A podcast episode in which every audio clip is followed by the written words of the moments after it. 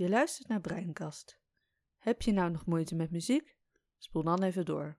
De intro duurt 30 seconden.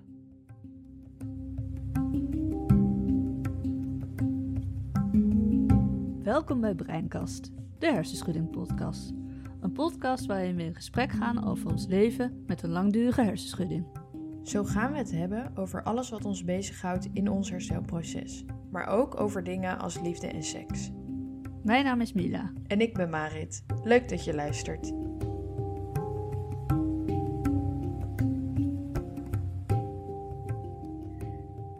Welkom, lieve luisteraar en lieve Mila. Hallo, hallo. Hallo.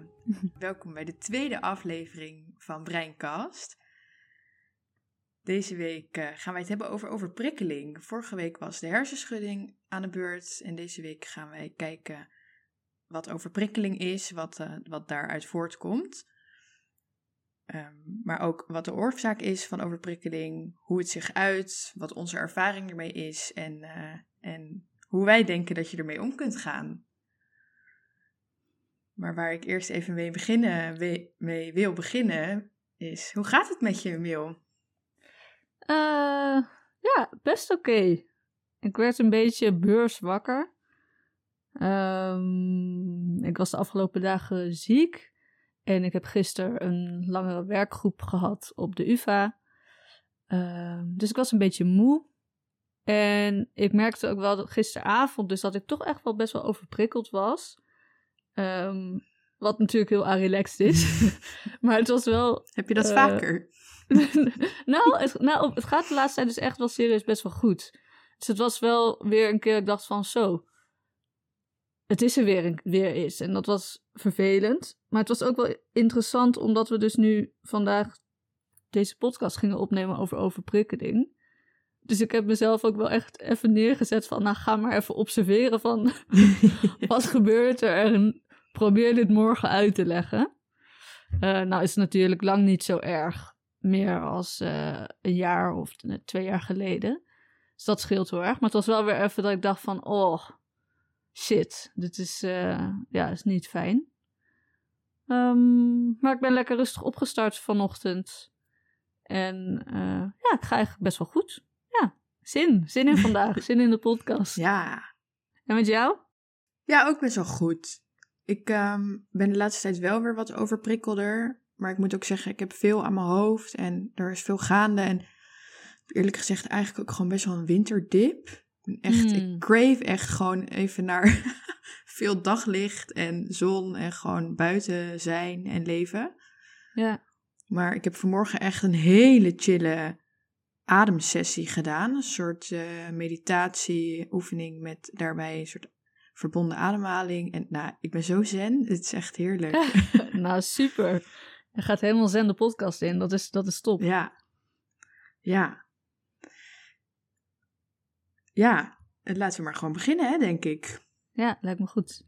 Nou, dan heb ik een vraag aan jou. Vertel Marit, wat is je vraag? wat is overprikkeling? ja, dat is uh, vrij ingewikkeld om te zeggen wat overprikkeling nou precies is. Ik denk dat het goed is om te beginnen met wat is nou eigenlijk een prikkel? Um, en een prikkel is eigenlijk alle veranderingen die je waarneemt, dus door middel van je zintuigen. En dat kan zowel vanuit het inwendig als het uitwendig milieu zijn. Dus het kan van binnenuit komen of van buitenaf.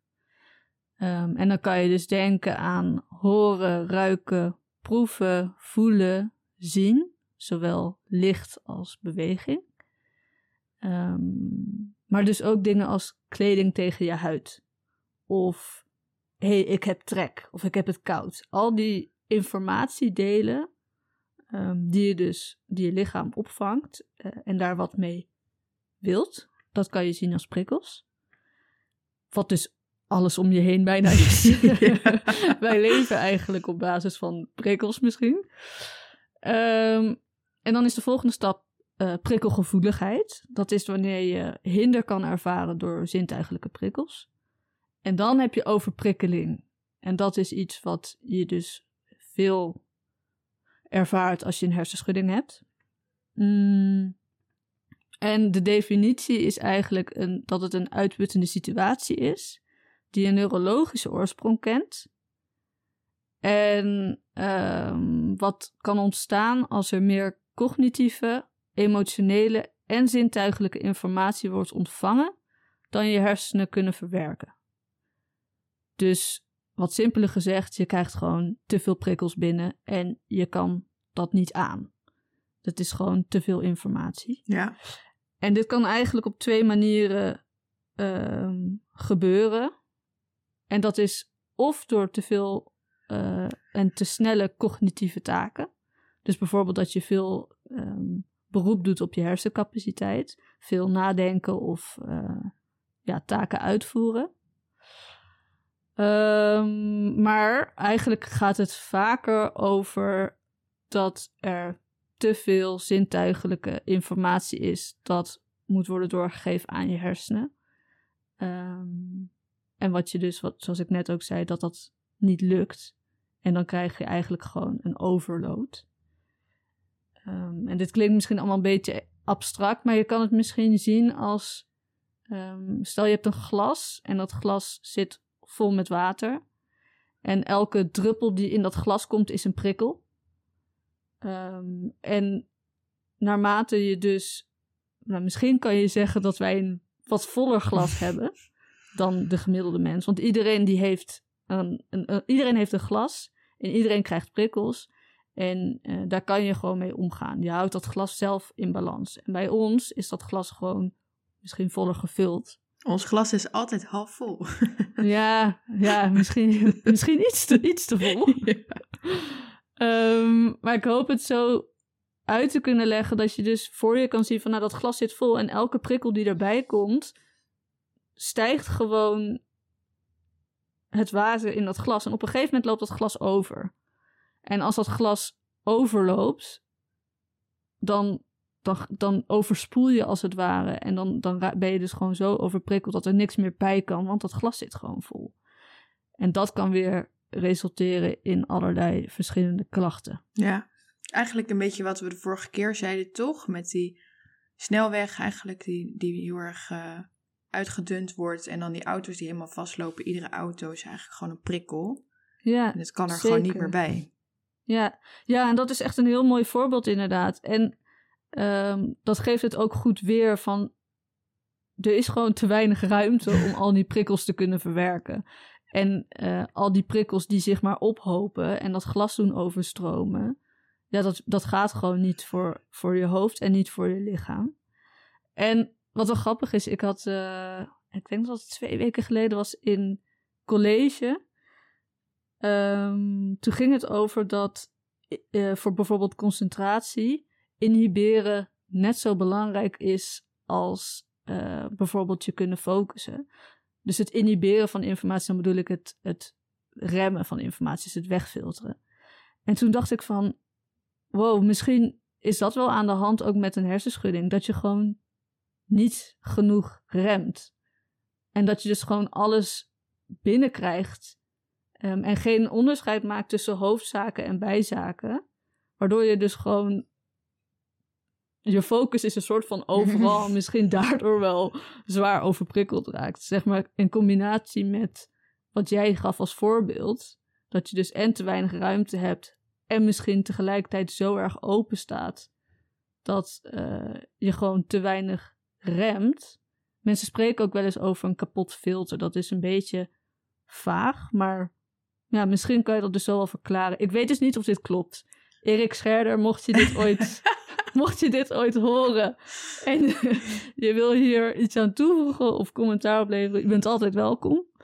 Uh, schroom niet om ons te mailen of uh, ons te bereiken via een andere route, want ik ben wel heel nieuwsgierig. Ja, misschien kun je het wel een beetje vertalen naar dat je in de praktijk gewoon bijvoorbeeld niet meer zo goed af kunt sluiten voor um, die twee mensen die verderop in de straat staan te praten. En ja. dat dat bij jou even hard binnenkomt als um, je partner waar je mee aan het wandelen bent en die ook tegen jou Precies. praat, zeg maar. Alles staat evenveel op de voorgrond waar je normaal, als je brein dat gewoon kun, kan filteren, um, kan jij je prima afsluiten voor die mensen die verderop staan.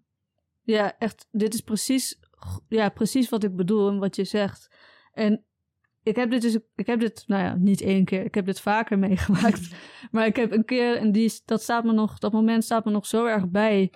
Toen uh, ging ik wandelen naar een vriendin. En uh, die woonde om de hoek. Echt vijf minuten wandelen misschien.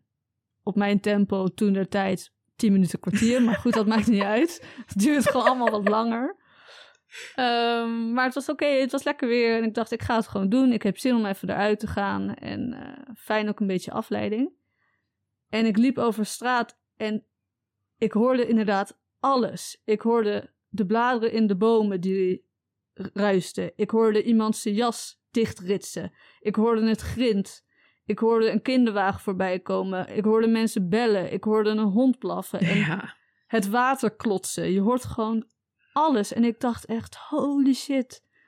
Hoe, hoe kan je hiermee omgaan, weet je wel? Omdat je hebt een doel, je wil naar die vriendin toe. Maar terwijl je aan het wandelen bent, wat, waarvan je denkt het is een lekker rustige wandeling, krijg je gewoon zoveel binnen wat, ja, nou ja, too much. Ja.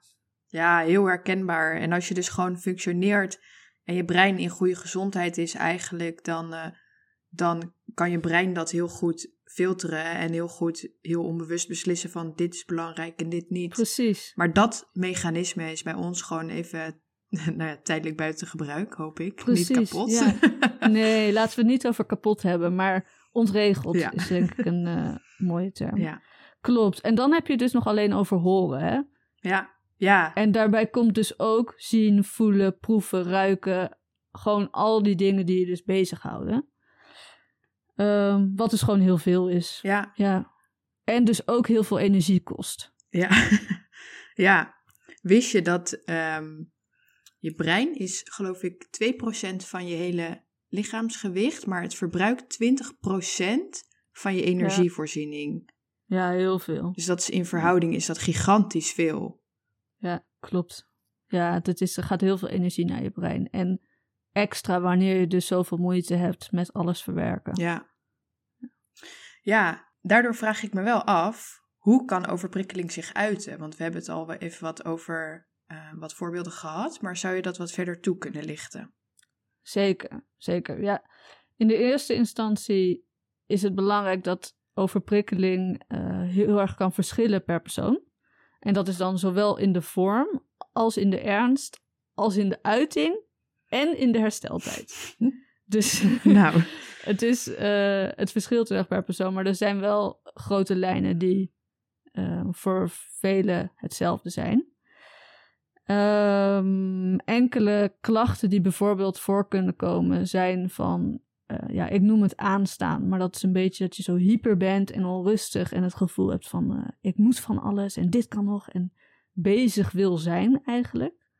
Um, terwijl je ook wel voelt dat dat niet het juiste is voor dat moment. Hyperalert zijn, angstig. Je kan ook heel erg schrikken, dat je van alles zo... Woe, ja, dat... ja, dat heb ik heel erg gehad. Ja, ik ook echt van alles. Ja. Mijn huisgenoot die de hoek omliep en ik viel bijna op de grond omdat ik... Ah! ja. En hij echt zo, wat? Ja. wat? Wat doe ik? Echt zo, ja, niks. Ja. Gewoon, ja, je staat helemaal aan op, uh, ja... Trillende oogleden, ook een eentje die veel voorkomt. Tinnitus, dat zijn dus oorzuizen. Vermoeidheid, het gevoel van een warm hoofd, heel herkenbaar. Ja. Hoofdpijn en nekpijn. En het kan nog verder, echt tot overgeven aan toe, dat je uitvalverschijnselen krijgt en krachtverlies. Um, moeite met kunnen lopen en zelfs epileptische aanvallen. Heftig. Ja, dus het is echt. Overprikkeling is echt iets wat je dus in de, in de volksmond zeg maar wel hoort van. Oh ja, ik was naar een feestje en ik ben best wel overprikkeld. Dat kan overprikkeling zijn, maar het kan dus ook zodanig zijn dat je um, bijvoorbeeld een ziekenhuisbehandeling niet kan afmaken omdat je lichaam fysiek overprikkeld is en er gewoon niks meer bij kan hebben. Ja, en daarbij is het denk ik ook goed om te vermelden: het kan. Dus de dingen die wij hier noemen, dat, dat hoef je ook niet allemaal te hebben.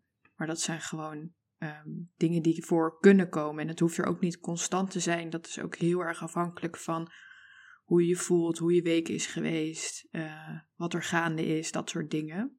Absoluut, ja, absoluut. En dat is inderdaad heel belangrijk dat je dat noemt. Dat het heel erg.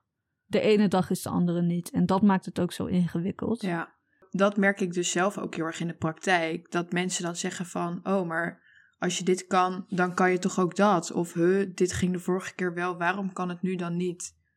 Ja. Dat, dat is vaak voor mensen om je heen heel moeilijk te begrijpen. Dat, nou, in november ben ik een keer naar een huisfeestje geweest, terwijl nu moet ik daar echt niet aan denken, zeg maar. Dat is omdat ik me op dat moment gewoon best wel goed en sterk voelde en dat ging ook. Ja. Maar nu denk ik, nee, ik ben daar even te fragiel en instabiel voor. Dus dat verschilt ook heel erg. Ja, en dat is soms ook best wel pijnlijk, want ehm, het is soms ook gewoon niet te bepalen, inderdaad. Het, je hebt een soort van, nou ja, weer dat glas. De ene keer is dat glas voller. Ben je net ziek geweest, dan zal dat glas ook wat voller zijn. En dan ben je dus misschien ook sneller overprikkeld.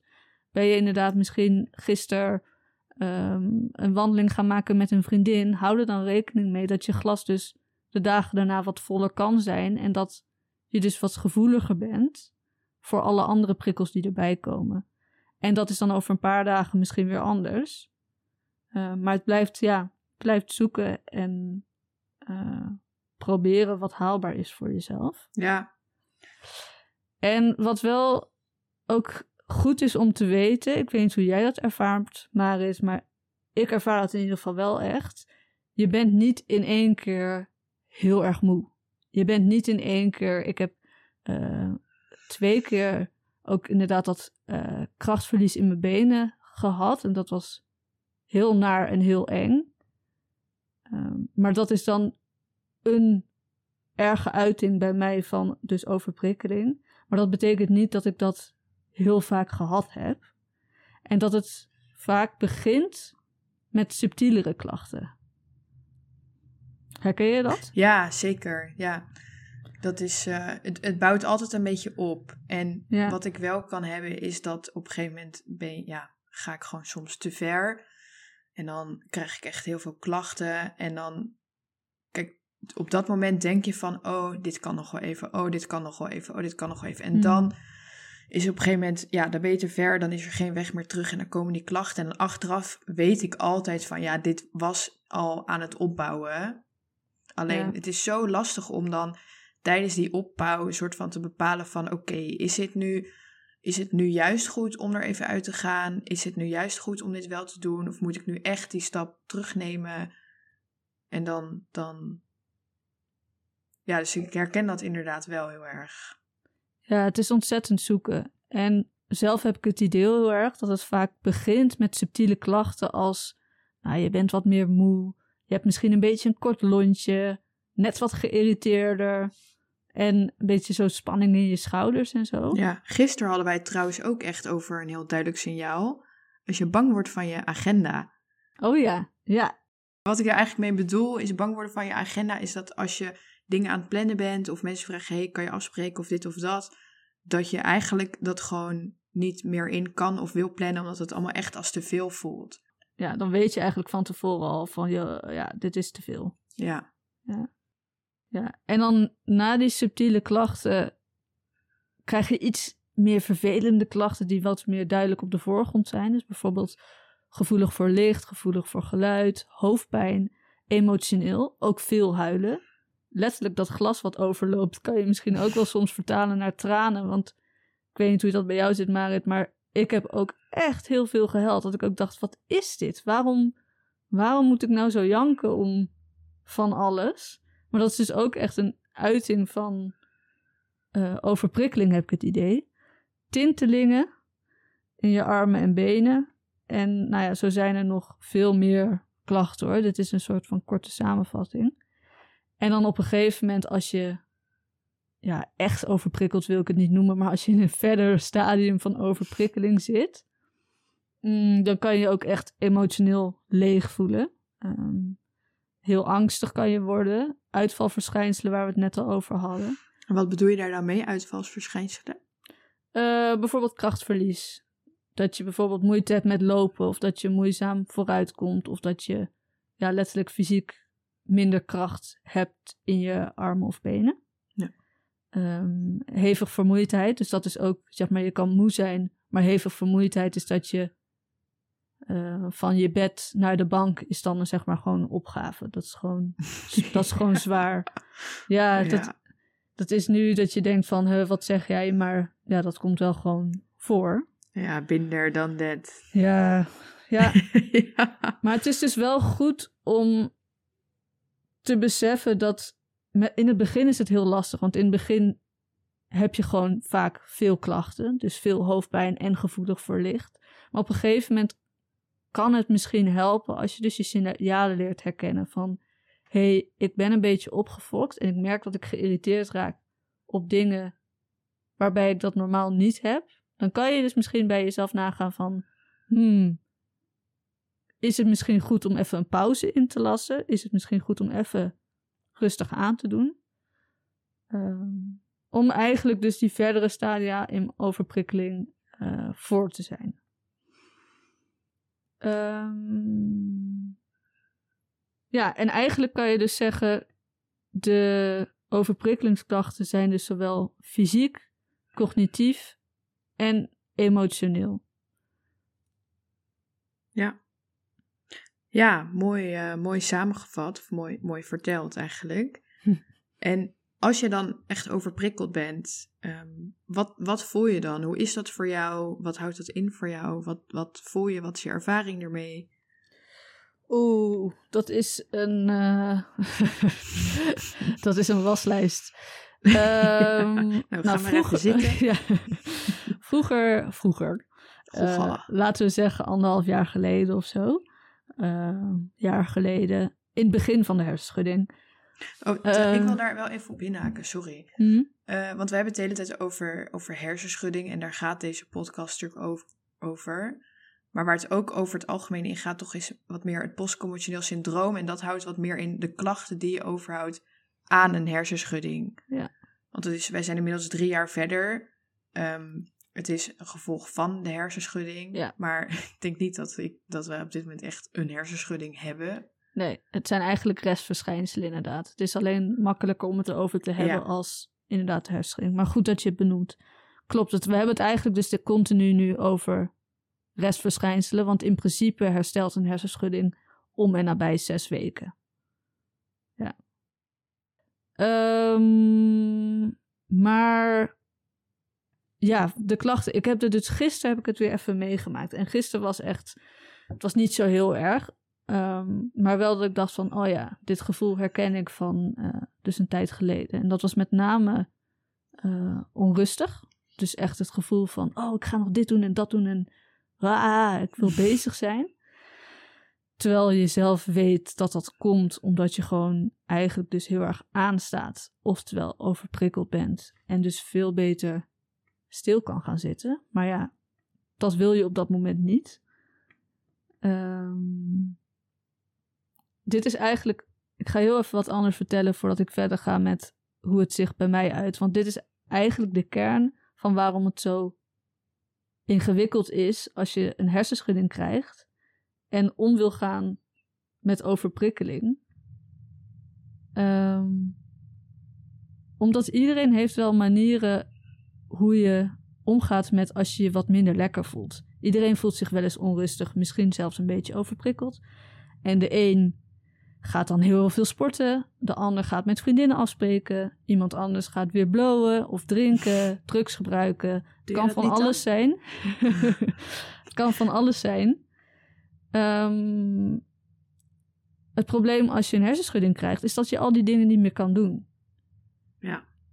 En dan zit je dus opeens stil op de bank, terwijl je al die gevoelens ervaart die je eigenlijk liever niet wil voelen en die je normaliter zou gaan afleiden door andere dingen te gaan doen. Maar als je dat nu dus doet, dus je gaat bijvoorbeeld, je hebt de hersenschudding en je gaat wel met die vriendin afspreken. Soms is, kan het heel fijn zijn hoor. Dat, ik bedoel niet dat je dat niet moet doen, maar het kan gebeuren dat je dus uiteindelijk eigenlijk meer overprikkeld raakt, meer klachten krijgt, nog meer zin hebt om jezelf af te leiden. En dan zit je dus eigenlijk in een negatieve spiraal naar beneden. En dat is zo ingewikkeld, want nou ja, we weten allemaal dat het niet fijn is om stil te gaan zitten als je je kut voelt. ja. Terwijl dat misschien soms wel op dat moment uh, hetgeen is wat je lichaam eigenlijk het meest nodig heeft. Ja. En dan kom ik weer terug op gisteren, want dat is uiteindelijk dus ook wat ik heb gedaan. In het begin heb ik veel te veel op mijn telefoon gezeten, serietje gekeken, uh, bezig geweest. En toen op een gegeven moment dacht ik, ik ga morgen een podcast overnemen over overprikkeling en hoe je ermee om kan gaan. Wat moet ik nou doen? Ja. Ga maar gewoon even zitten. Um, dus ik heb een theetje gezet. Ik ben even gaan zitten en gaan mediteren. Observeren van oké, wat gebeurt er nou? En daarna ben ik een boek gaan lezen. Dat is niet prettig. Het is niet makkelijk. Nee, ik wou net Ehm. zeggen, wat goed dat je op dat moment echt die stap wel hebt genomen. Ja, kijk, weet je, het is ook zo van. Ik weet ondertussen dat dat voor mij een van de dingen is dat het beste werkt. Ik weet dat het een signaal is van mijn lichaam dat zegt: hé, hey, je hebt te veel gedaan. Prima dat je het gedaan hebt, maar nu is het gewoon echt de tijd om dan dus ruimte te geven om, ja, eigenlijk misschien te herstellen, om het zo maar even te zeggen. Ehm, en dat is, komt bij mij dan vaak toch neer op inderdaad een meditatieoefening doen. Of gewoon stilzitten, thee drinken en even de boel de boel laten. Ja. Maar dat is absoluut niet makkelijk en dat heeft mij ook heel veel training gekost. Ja, ja, dat is echt een proces. Ja, het is echt een proces. Dus als we dan even kort samenvatten, hoe ga je er wel mee om als je overprikkeld bent? Ja, agenda leegmaken en rustig aandoen. En soms kan het zo zijn dat ik echt zo heftig overprikkeld ben dat je, daar hadden we het vorige aflevering ook over, dat je zo overspoeld wordt door beelden en gedachten en dat je hoofd vol zit. Alsof er eigenlijk duizend stuitenballen in je hoofd zijn losgeschud. En letterlijk alle kanten op bouncen en jij daar echt bent van, oké, en nu? Ja, ja. Als je in die fase zit, dan werkt het voor mij beter om bijvoorbeeld even rustig te bewegen. Dan Ja. bedoel ik niet hardlopen, maar dan bedoel ik gewoon rustig even je schouders een beetje bewegen. Misschien wat yoga Ja. en dan te gaan mediteren. Omdat Ja. het echt heel moeilijk kan zijn om dan stil te gaan zitten. ja. Terwijl dat stilzitten misschien wel hetgene is wat uiteindelijk hetgene is waar je lichaam om vraagt. Zo, zo ervaar ik het. Hoe zit dat voor jou? Nou, ik ben het daar op zich ook wel eh, mee eens. Maar ik denk ook dat wat je zegt, lichte bewegingen, maar ook dingen zoals gewoon even rustig dansen of dat soort dingen, juist ook heel goed kan zijn om. Want je, je energie stagneert en blokkeert eigenlijk. Dus het kan juist ook heel goed zijn om ehm, je lichaam dan wel echt even in beweging te brengen. Inderdaad, niet in of andere high intensity workouts, maar gewoon even vijf of tien minuutjes. Ehm, want ik, ik was inderdaad heel erg gewend om dan gewoon stil te gaan zitten. Maar daar werd het bijna eigenlijk alleen maar erger van, vaak. Ja, en eigenlijk is dat dus ook wel een teken dat je het wel nodig hebt, omdat je gaat pas echt voelen op het moment dat je stil zit. Alleen is het heel moeilijk en dat kan dus misschien wat makkelijker worden gemaakt om juist even te gaan bewegen.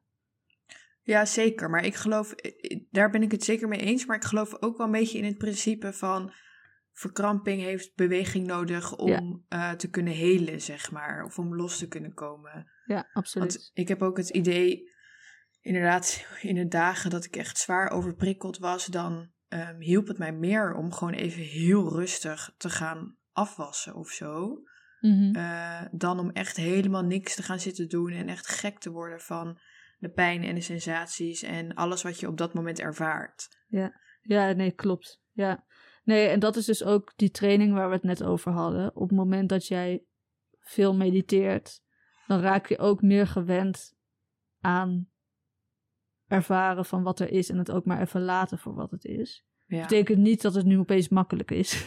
Nee. Absoluut niet. Maar je, je went er wel aan. Het is net zoals met sporten. Je kan het gewoon trainen. Ja. Ehm, ja, maar ik ben het helemaal met je eens dat bewegen zeker heel erg belangrijk is. En nog goed om te zeggen is dat we hebben het nu dus over rusten. En in dit geval is rusten dus echt gewoon weinig prikkels. Ja, want daar wilde ik nog even op terugkomen. Jij zei net uh, toen ik vroeg van hoe ga je er dan wel mee om als je overprikkeld ben, bent. Het eerste wat jij benoemde is uh, rustig aandoen. Mm Maar wat, wat, wat versta je daar dan onder? Rustig aandoen? Ook dit was een proces. Kijk, als jij je hele leven op 110 hebt geleefd, 110 procent, en altijd alles gaf, en je gaat dan rustig aandoen en je gaat dan bijvoorbeeld naar 95 procent, dan zit je nog steeds heel hoog in het percentage van wat je aan het doen bent. En eigenlijk is dat dus niet rustig aandoen. Dus in dit geval heb ik het echt over weinig prikkels ervaren. En dan, uh, kijk, wij zitten nu alweer in een iets verder stadia dat rustig aandoen voor ons niet meteen betekent hup in een donkere kamer en, en liggen. Nee, dat is wel zo Ehm, geweest. Ja, maar dat, dat voor ons is rustig aandoen nu dus wel meer dan dat. Ja, Maar in principe is rustig aandoen als je overprikkeld bent, gewoon weinig prikkels ervaren. En dat kan je dus inderdaad doen door bijvoorbeeld in de natuur te gaan wandelen. Maar het kan ook zijn dat dat al te veel is, want je bent toch aan het lopen. Je hoort geluiden buiten. Dus dan is rustig aandoen gewoon nog minder prikkels. En ga die prikkels dan afbouwen op dat moment. Ehm, ja. ja. Ik ehm, vind het duidelijk. Wil je nog wat kwijt? Nou, nee, ik ben wel benieuwd hoe jij ermee omgaat. Of je het eh, herkent.